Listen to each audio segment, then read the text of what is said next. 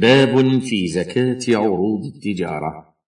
العروض جمع عرض بإسكان الراء وهو ما أعد لبيع وشراء لأجل الربح. سمي بذلك لأنه يعرض ليباع ويشترى أو لأنه يعرض ثم يزول. والدليل على وجوب الزكاة في عروض التجارة قوله تعالى خذ من أموالهم صدقة تطهرهم وتزكيهم بها. وقوله تعالى والذين في أموالهم حق معلوم للسائل والمحروم. وعروض التجارة هي أغلب الأموال فكانت أولى بدخولها في عموم الآيات. وروى أبو داود عن سمرة كان النبي صلى الله عليه وسلم يأمرنا أن نخرج الزكاة مما نعده للبيع.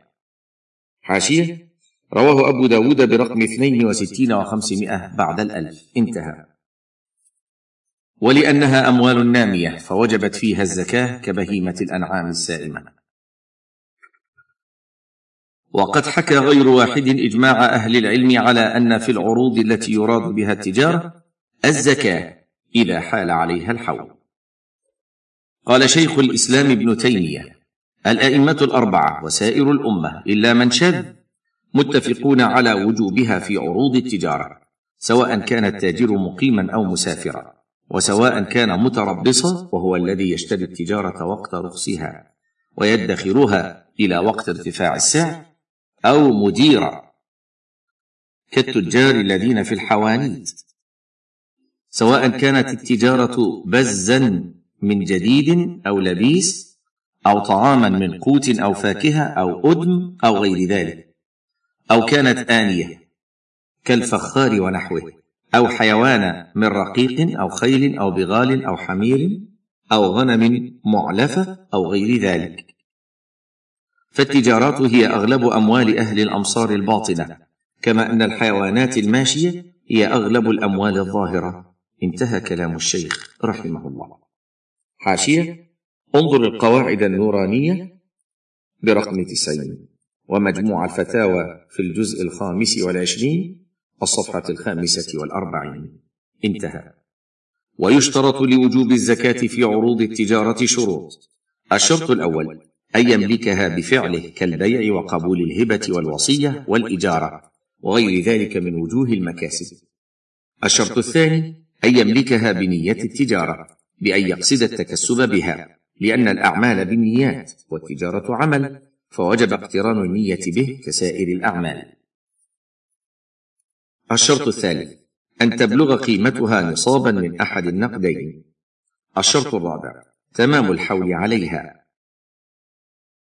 لقوله صلى الله عليه وسلم: لا زكاة في مال حتى يحول عليه الحول. حاشية: سبق في الجزء الأول الصفحة السادسة والخمسين بعد المئتين. لكن لو اشترى عرضا بنصاب من النقود أو بعروض تبلغ قيمتها نصابا بنى على حول ما اشتراها به وكيفية إخراج زكاة العروض أنها تقوم عند تمام الحول بأحد النقدين الذهب أو الفضة. حاشية؟ أو ما يقوم مقامهما من الورق النقدي. انتهى. ويراعى في ذلك الأحظ للفقراء.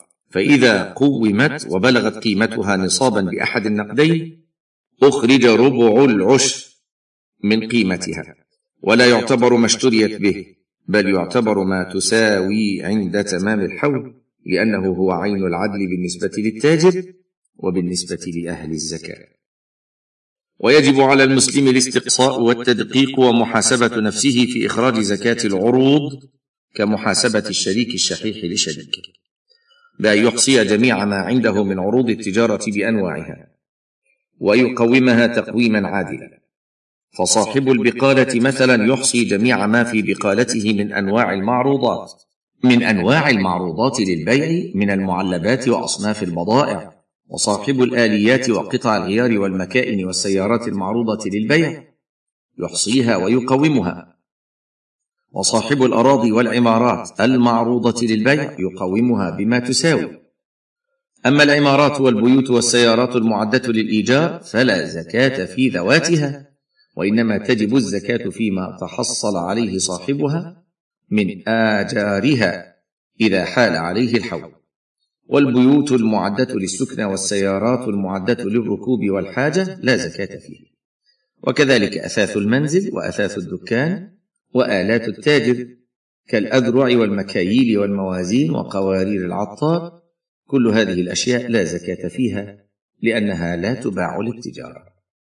أيها المسلم أخرج زكاة مالك عن طيب نفس واحتساب واعتبرها مغنما لك في الدنيا والآخرة ولا تعتبرها مغرما قال الله تعالى ومن الأعراب من يتخذ ما ينفق مغرما ويتربص بكم الدوائر عليهم دائرة السوء والله سميع عليم.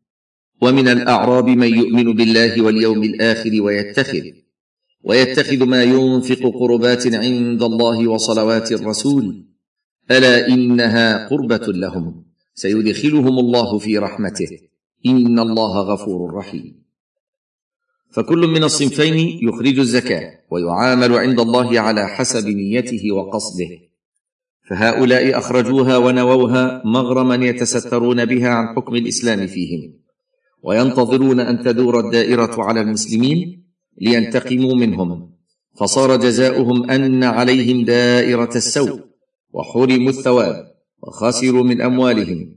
والمؤمنون يعتبرون الزكاة حين يخرجونها قربات لهم. فهؤلاء يوفر لهم الأجر ويخلف عليهم ما أنفقوا بخير منه.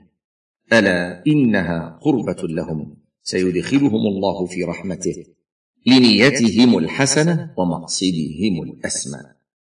فاتق الله أيها المسلم واستشعر هذه المعاني وأقرضوا الله قرضا حسنا وما تقدموا لأنفسكم من خير تجدوه عند الله هو خيرا وأعظم أجرا. واستغفروا الله إن الله غفور رحيم.